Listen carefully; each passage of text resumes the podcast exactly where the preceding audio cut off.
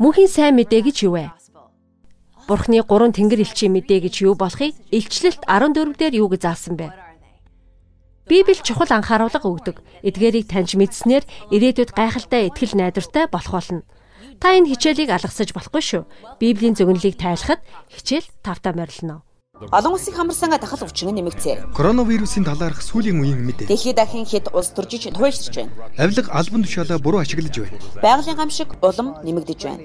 Австралид шатаж байгаа айн төмөр удахгүй болох гамшгуудыг анхааруулж дэлхийд юу ч тохиолдож болзошгүй байна. Энэ бүхэн юуг илэрхийлж байна вэ? Ирээдүй юу болох вэ? Олон улсын элтгэж Ками Өвтмөний цуврал лекцэнд тавтай морил хамтдаа Библийн зөвнөлийг танилцуулах аялалд гарцгаая. Тэрээр дэлхийд тойрон аялахдаа асуудал бэрхшээлтэй тулгарсан хүмүүсийг олж хараа зогсохгүй. Мөн тэнд итгэл найдварын гайхамшгуудыг давхар олж харсан юм. Ками Өвтмөний Библийн зөвнөл цувралууд лекцтэй хамт байгаарай. Тэрээр Библийн зөвнөл хэрхэн биелэгдэж байгааг харуулах болно. Зөвнөлүүд урд үрдийнхаасаа илүү хурдан биелэгдэж байна.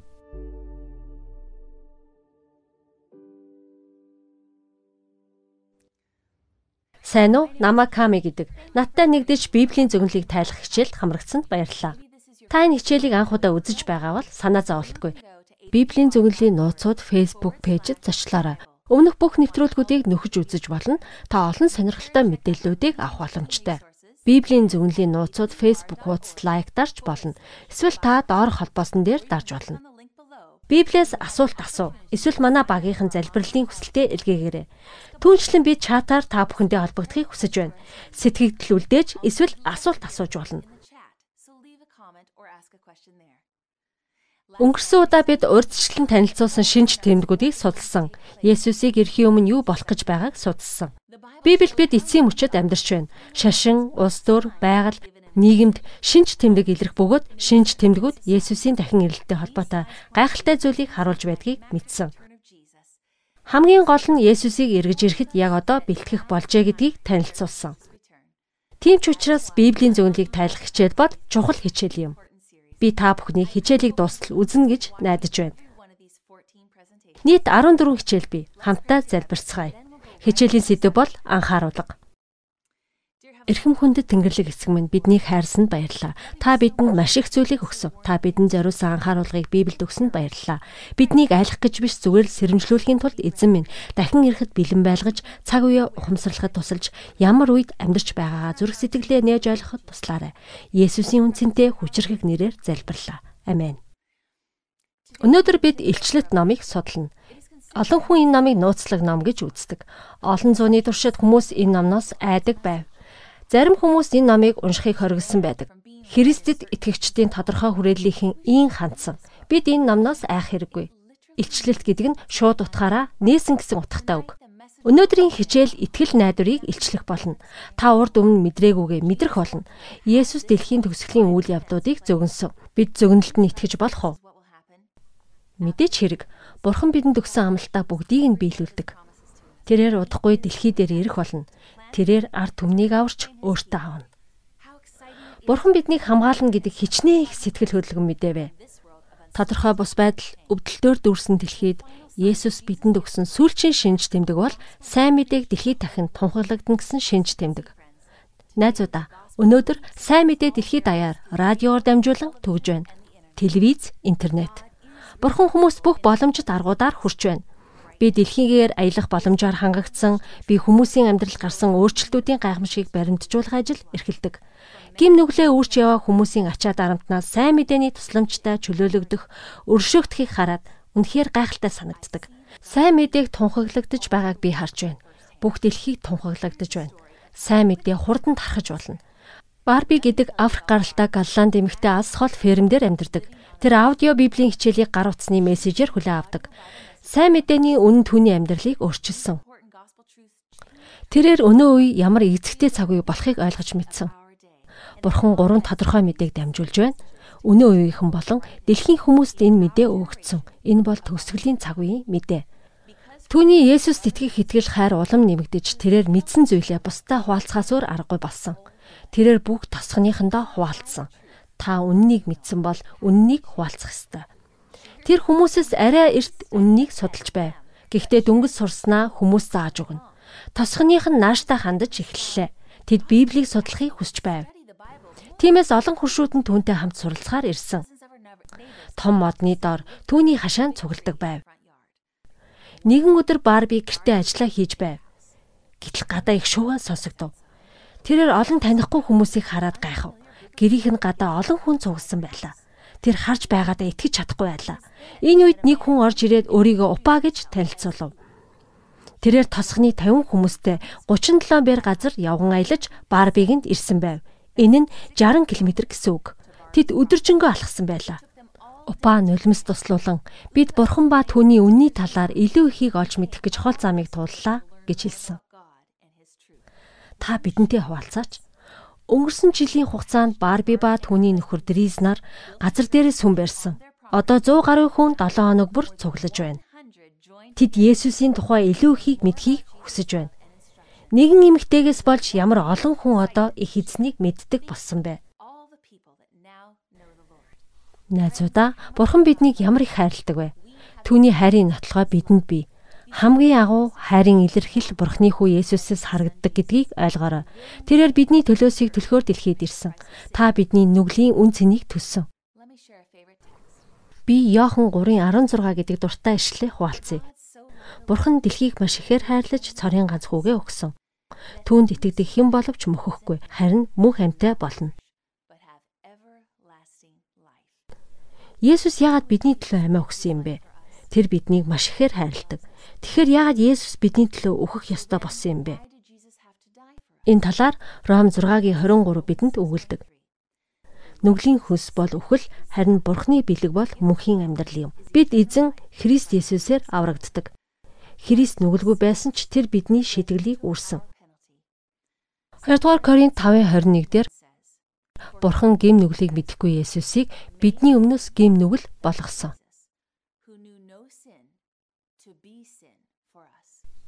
Есүс Гецаманы цэцэрлэгт алхаж байхдаа юу хийх гэж байгаагаа ойлгож байсан уу?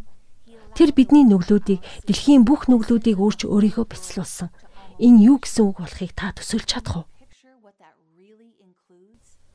Хүчин, аллаг, худал бүхэн, уруулт, эрүүдэн шүүх, хүчирхийлэл хамгийн бохир заван үйлдлийг гим зэмгүй Есүс бүгдийг нь үүрсэн.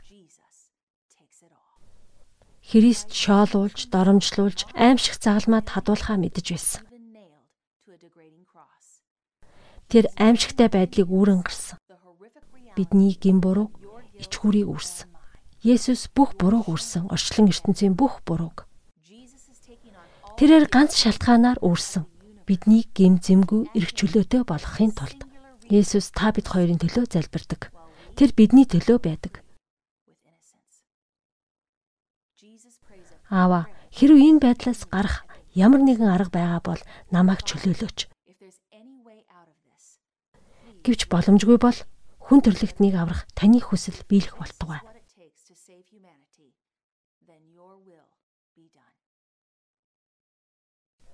Хуучин гэрээнд Израильчууд амьд тахил өргөдөг байв. Тэд гим нүглийн уучлалын төлөө Есүс дээр ирж гимгүй амьтны цус асах бэлэгдлээр түүний загалмаад ирэх асгарах цусыг бэлэгддэг байв. Энэ бол бүхний нүглийн төлөө хүлдэл. Хуучин гэрээний ариун сүм Бурхны авралын төлөвлөгөөг заадаг байв. Христ Бурхны хуулийг төгс дуулууртай дагаж амьдэрсэн. Тэрээр Бурхантай харилцах үлгэр жишээг үзүүлсэн. Мөн бусдыг Бурхны хязгааргүй төгс хайраар хандахыг үлгэрлсэн. Их эзэн цөлд соригдохдоо Адам Ева хоёрын Эден цэцэрлэгт гаргасан алдааг зассан. Хэдийгээр сатан уруудсан боловч 40 хоног мацаг барьсан Иесус Бурханд үнэн ч хэвээр үлдсэн.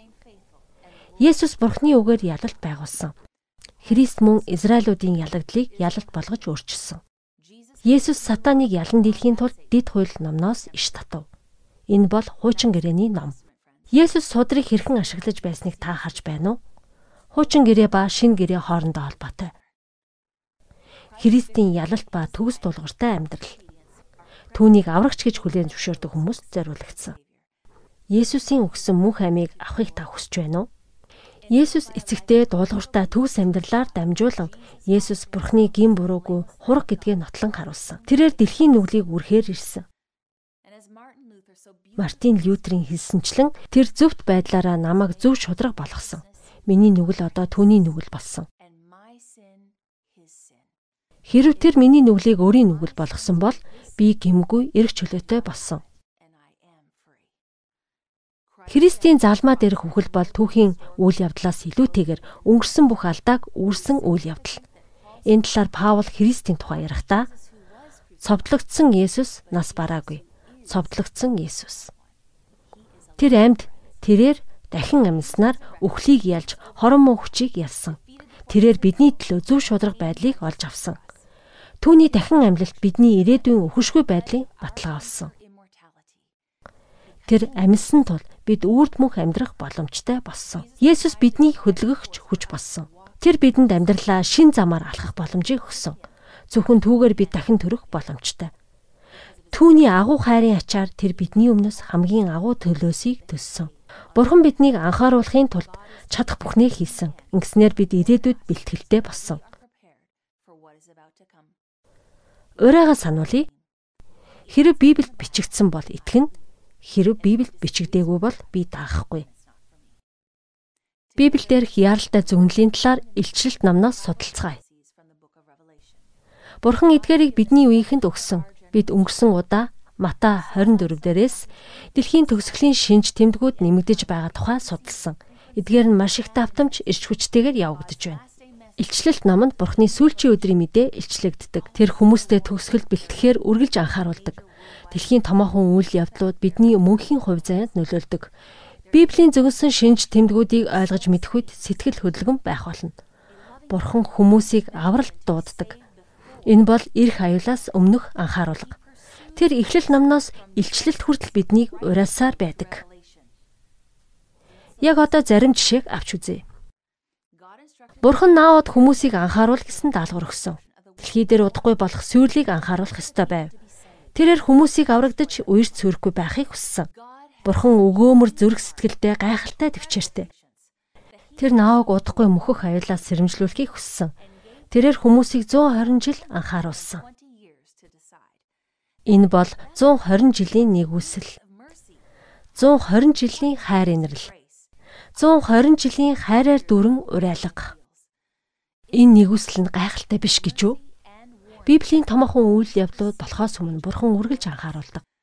Бурхан үер булахтаа хүмүүс сануулга өгөхөд Наогийн үеийнхэн сануулгыг сонсохоос татгалзсан үед үер булгасан. Ийм үед Бурханы жинхэнэ дагалдагчид гэж хэн бэ гэдг нь танигддаг. Өөр нэг жишээг татъя. Бурхан Йосефийн цаг үед ийм аргаар ажилласан. Тэрээр Египтийн нутагт өсгөлөн болох гэж байгааг харуулсан. Ган болохоос өмнө Тэрээр Йосеф гэдэг хүн зөвхөн анхааруулга өгөө зогсохгүй бэлтгэл хангахад тусламж үзүүлсэн. Бурхан фараон болон египтчүүдэд нь бэлтгэхэд 7 хоног өгөөгүй. Тэр тэднэрт бэлэн болох богино хугацаа өгөөгүй. Бурхан нэгүслээрээ 7 жил бэлтгэх хугацаа өгсөн. Тэд 7 жил өсгөлөнд 7 жил бэлтгэх боломжтой болсон. Тэрээр фараонд илүү л үр тариагаа хадгалахыг зөвлөж агуулгах самнууд ирмэг хүртлээ дүүрсэн. Бурхан тушаалуудыг нь дагдаг хүмүүсийг аварсан. Түүний зааврыг хэн дагаж байгааг бурхан харсан. Энэ хэв маяг дахин дахин давтагдав. Хуучин гэрээний туршид. God sent his prophets to warn Israel before the impending doom. I just love that. Одоо шин гэрээний баптизм хүртээгч Йоохныг дуудсан талаар өгүүлье. Энэ хүнийг Есүсийн ирэлтэнд бэлтгэхээр дуудсан. Йохан хүчрхэг номлолуудыг хийж байлаа анхаарал татахын тулд тэрээр зочирдуулсан үннийг номлосон. Тэр Бурхны хүү удахгүй ирнэ гэж хэлсэн.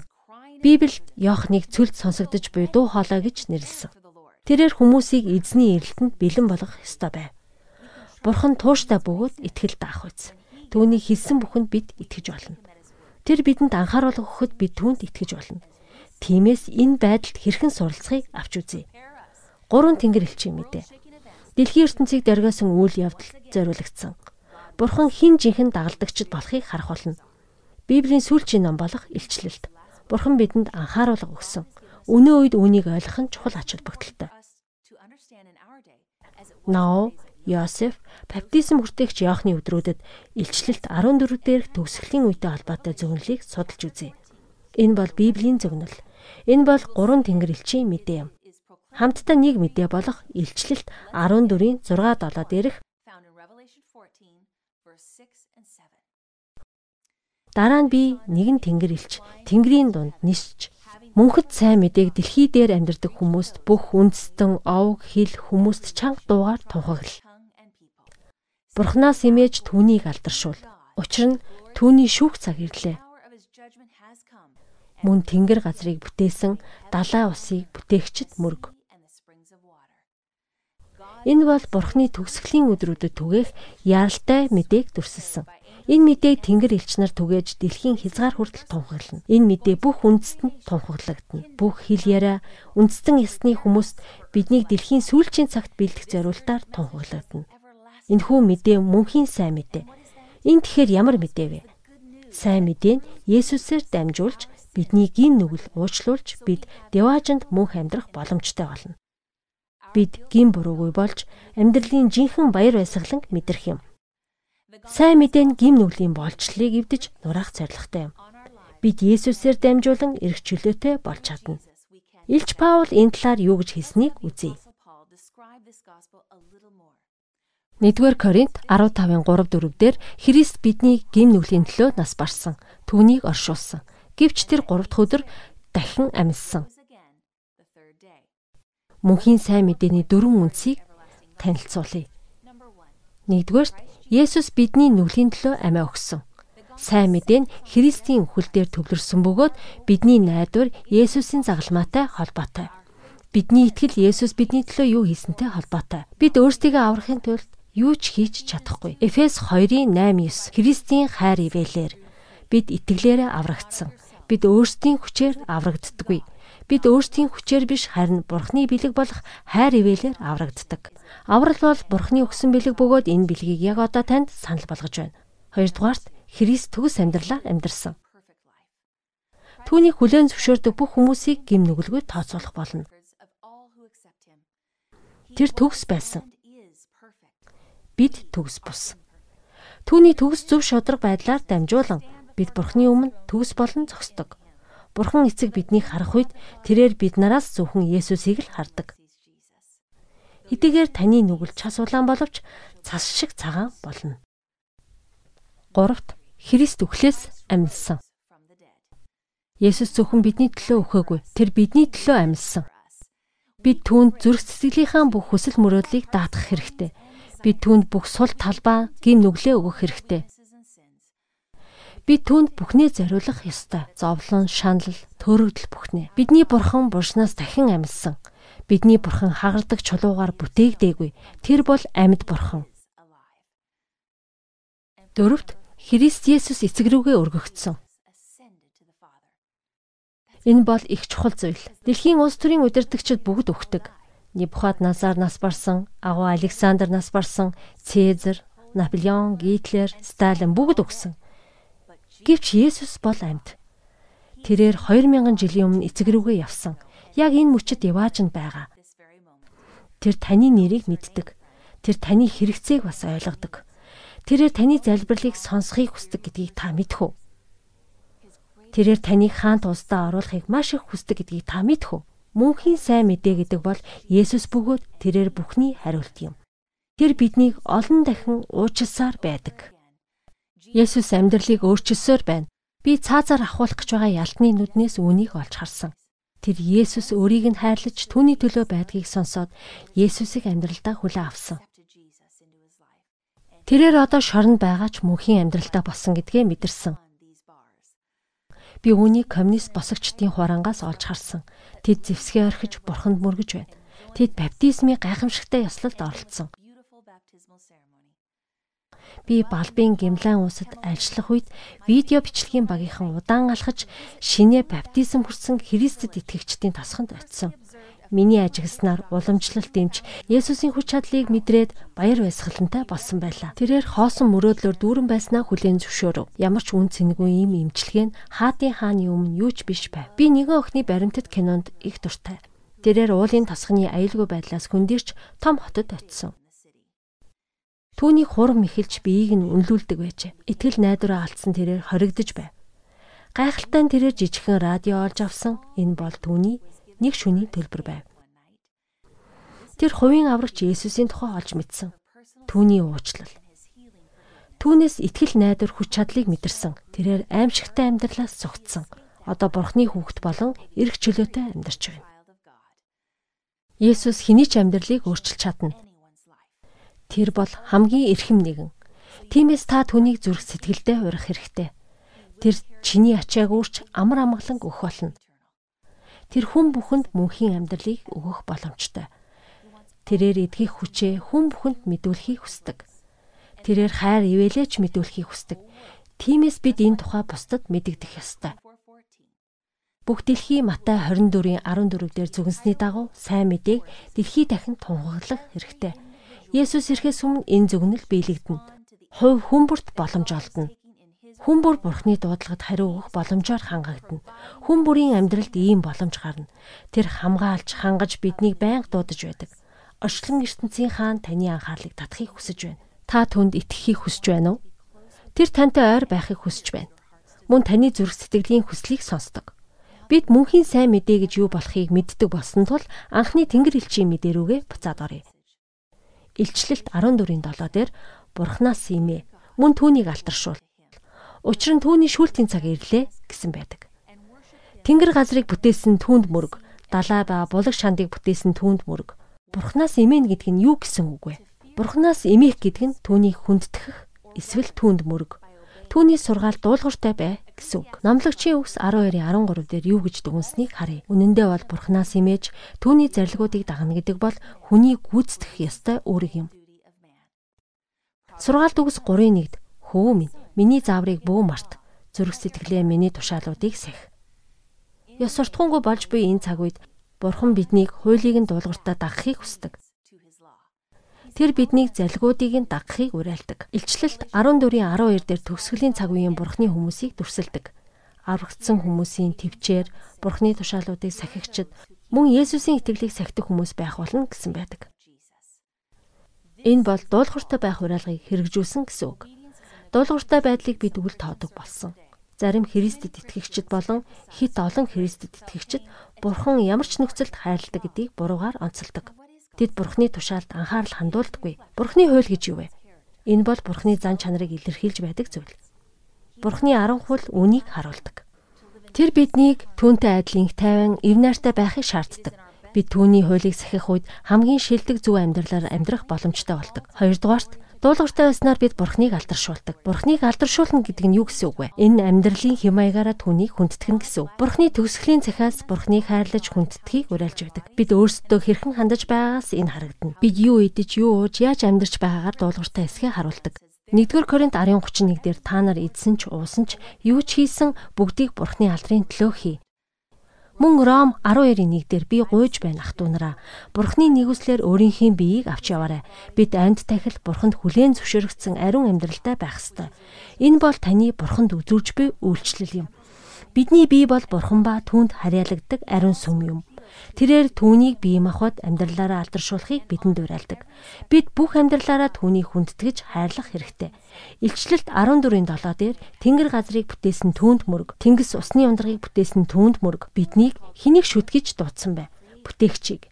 Энэ нь маш утга учиртай зүйл. Хувьслын онолд итгэдэг олон сая хүн илчлэлт 14-ийн 7 дээрх бүтээгч бурхан гэсэн санааг сонирхож эхэлж байна. Тэнгэр газрыг бүтээсэн түүнд мөрөг. Бурхан биднийг бүтээсэн гэдэгт итгэх мөргөлийн үндэс. Илчлэл 4:11 дээр эзэн та алдар хүндэтгэл хүчийг авахар бүтээгдсэн бөгөөд таны хүслээр дэлхий оршиж бүтээгдсэн. Сайн муугийн эцсийн тэмцэл мөрөглийн утга хинт мөрөгөхөд анхаарал хандуулдаг бай. Бид бүтээгч үү эсвэл хүний сургаалыг шүтэх үү? Бүтээгч үү эсвэл араатныг үү? Төгсгөлийн цагт бурхны тэмдгүүдийг хүлээн зөвшөөрч түнд үнж байх уу? Араатны тэмдгийг сонгох уу? Эхний Тэнгэр элчийн мэдээгээр бид Христэд итгэгчдийн хувьд юу хийх ёстойгоо мэддэг болсон. Бид амьдралаараа Бурхан дуулууртай байж түүнд алдрыг өргөдөг. Бид яагаад Бурханд мөргөх ёстойгоо ойлгож мэдэн Бурханд мөргөх ёстой. Тэр бол бидний бүтээгч учраас. Тэр биднийг бүтээсэн. Тиймээс бид түүнд үнэнч байх ёстой. Одоо яагаад энэ мэдээ чухал болох тухай ярилцъя. Илчлэлт 14-ийн 7 дээр Бурханаас эмээж түүнийг алдаршуул.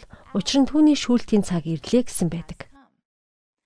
Илчлэлтийн эцсийн мэдэн дээр Бурхны шүүлтийн цаг ирнэ гэж хэлээгүй.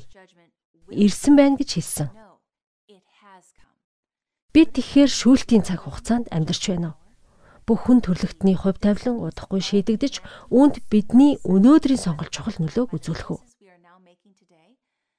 Есүс ирэхээс өмнө Тэнгэрийн эцсийн шүүлт явагдаж хүн бүр ямар шагнал авахыг тодорхойлох болно. Илчлэлт ном бол мөнхийн сонголтуудын талаар танилцуулдаг. Илчлэлт 22:12 бидэнд үүнийг харуулж өгч байна. Харагтун би удахгүй ирж шагналаа авчирна. Хүн бүрт үүсийнхэн дагуу шагналаа өгнө.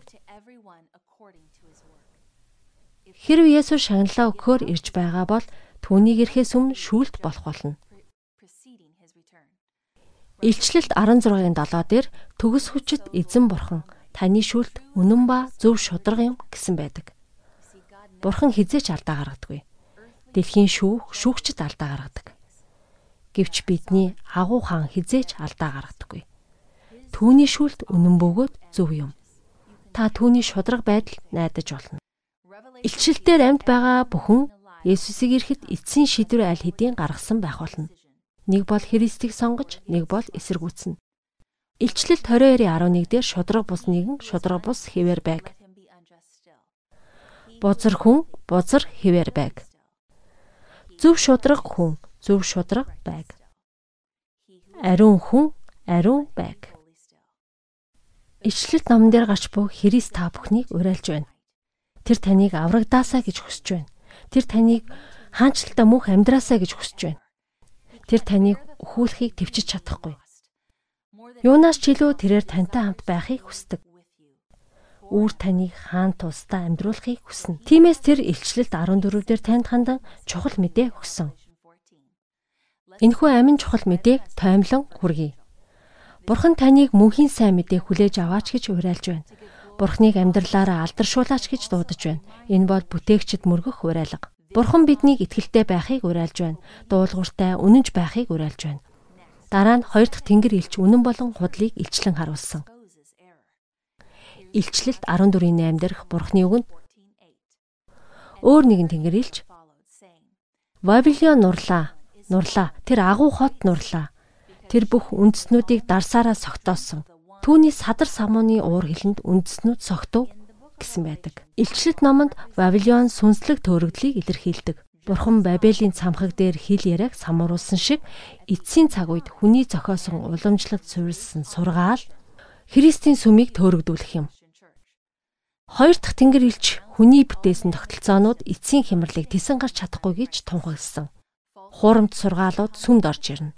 Хуурамч шашнаар дамжуулан Вавилон химээх тогтолцоо бий болно. Бурхан хүмүүсээ түүний үгийг судлаач гэж дуудаж байна.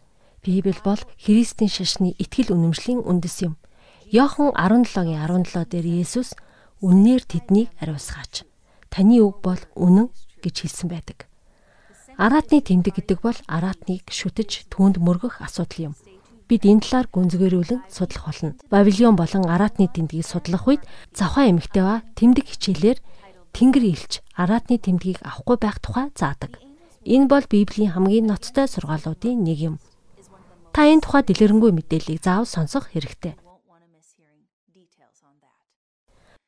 Одоо 3 дахь тэнгэр элчийн мэдээг танилцуулъя. Илчлэлт 14:9 дээр 3 дахь тэнгэр элч гарч ирээд чанга дуугаар хэрв хин нэг нь араатан ба түүний дүрсэд мөргөх юм бол араатны тэмдгийг дух гар дээрээ хүлээн авна.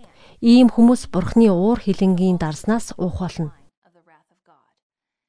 Эдгээр гурван тэнгэр элчийн мэдээ эцсийн цаг үеийн итгэлтэй хүмүүс тэдний шинж тэмдэг юу болохыг Есүсийг ирэхэд хэн бэлэн байхыг танилцуулдаг. Илчлэлт 14:12 дээр аврагдсан хүмүүсийн төвчээр Бурхны тушаалуудыг сахидаг хүмүүс Есүсийн итгэлийг эзэмших юм. Дүгнэлт хийцгээе. Илчлэлт 14-ийн 7 бол жинхэнэ мөргөл рүү уриалж бүтээгчд мөрөг гэж заадаг.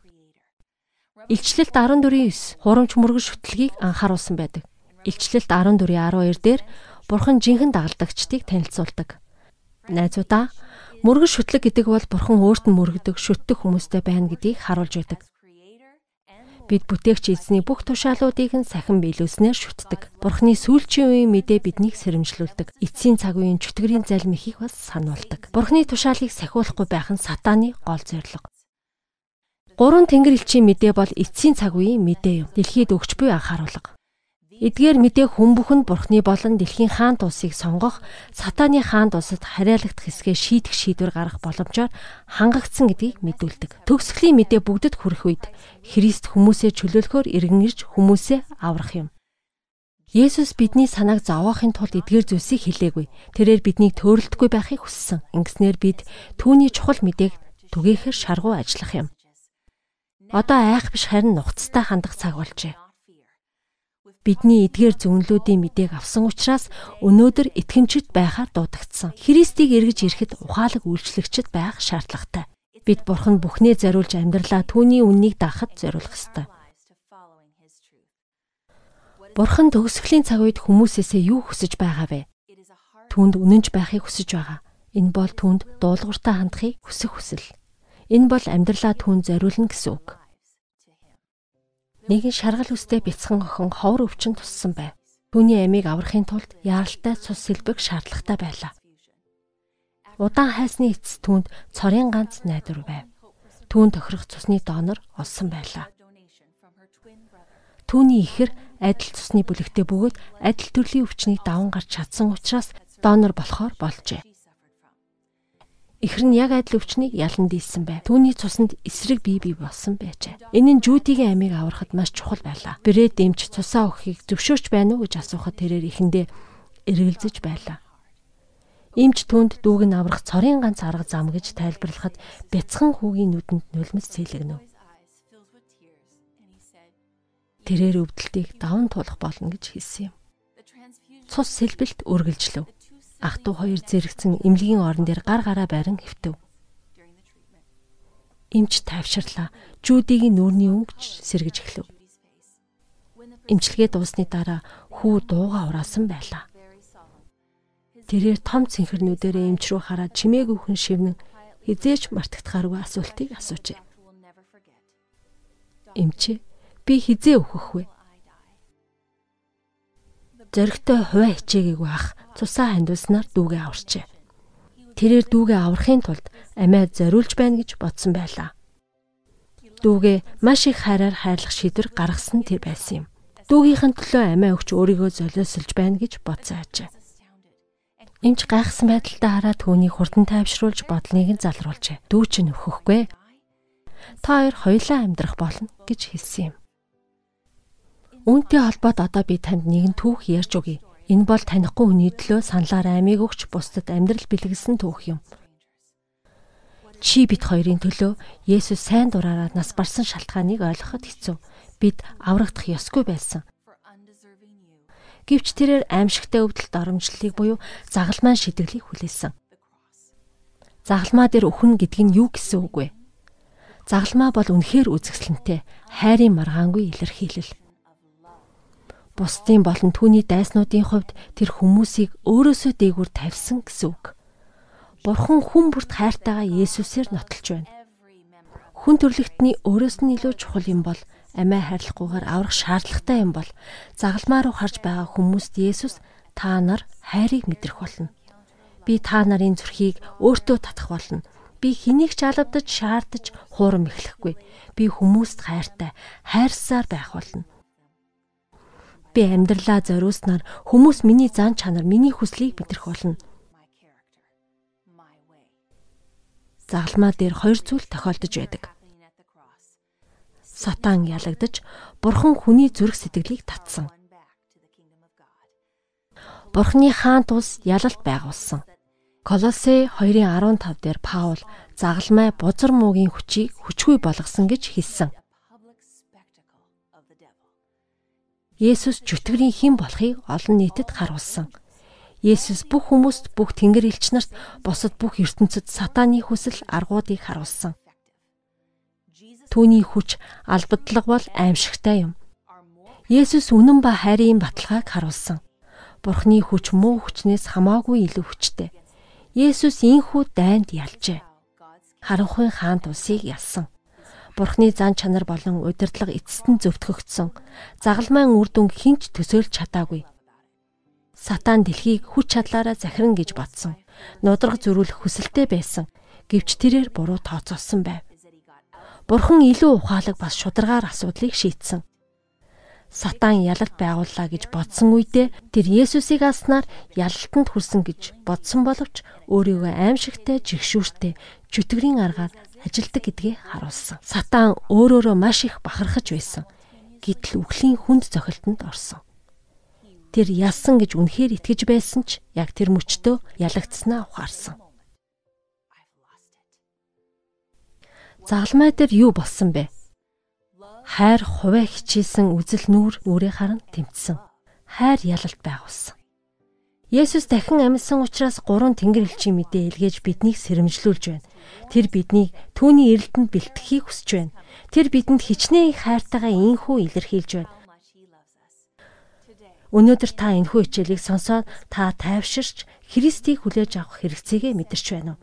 Бурхны сэрэмжлүүлгийг анхаарч үзэх үү? Есүс таныг түүнийг дагах шийдвэр гаргаасай гэж хүсэж байна. Есүс Иохан 14-ийн 1-ээс 3 дээр зүрх сэтгэлээ битгий зовоо. Та бурханд итгэдэг. Надад бас итэг. Миний эцгийн герт олон харш байдаг. Хэрв тийм биш байсан бол би чамд хэлэх байсан. Би чамд байр бэлтгэхээр явлаа. Түр хазнаарай. Энэ бол маш гүн утгатай зүйл шүү. Есүс танд зориулан гэр орон бэлдэж байна. Тэрээр үргэлжлүүлэн хэрэг би явж та нарт зориулан гэр орон бэлдэх бол би дахин ирээд та нарыг өөртөө хүлээн авч би байгаа газарт та нар бас байх болно. Орчлон ертөнцийн хаан Есүс бидэнтэй үрд хамт байхыг хүсдэг. Тиймээс та хаанч байсан та тимээ эзэн гэж хэлэхэд зүрх сэтгэлээ бэлтмээр байна уу? Та надад тэнгэрт гэр бэлдсэн гэж хэлхийг хүсэж байна уу? Хэрэг та Есүсийг хүлээн авахыг хүсэж байгаа бол доор холбоос дээр дараарай. Та өнөөдөр шийдвэрээ гаргаарай. Хамтдаа залбирцгаая. Тэнгэрлэг эцэг минь та гурван тэнгэр элчийн мэдээгээ илгээсэн баярлалаа. Ирээдүйн талаар бидэнд анхааруулж байна. Бидэнд төгс замыг зааж өглөө. Таны хүү Есүсийн золиосоор дамжуулан эзэн зүрх сэтгэлээ бэлтгэхэд туслаарай. Хичээлийг үзэж байгаа хүн бүр таны удахгүй эрэлтэнд бэлдэж бид бүгдээрээ таны анхааруулгыг сонсоход туслаарай. Та бол үнэхээр нэгүүлсэнгүй хайрын бурхан юм. Есүсийн үнцэнтэй хүчрхэг нэрээр залбирлаа. Амен. Найзуудаа Библийн сурагч багш нар та нарын асуултанд хариулахад бэлэн байна. Та бас бүртгүүлээрэй. Ингээд манай онлайн Библийн хичээлийг судлаарай.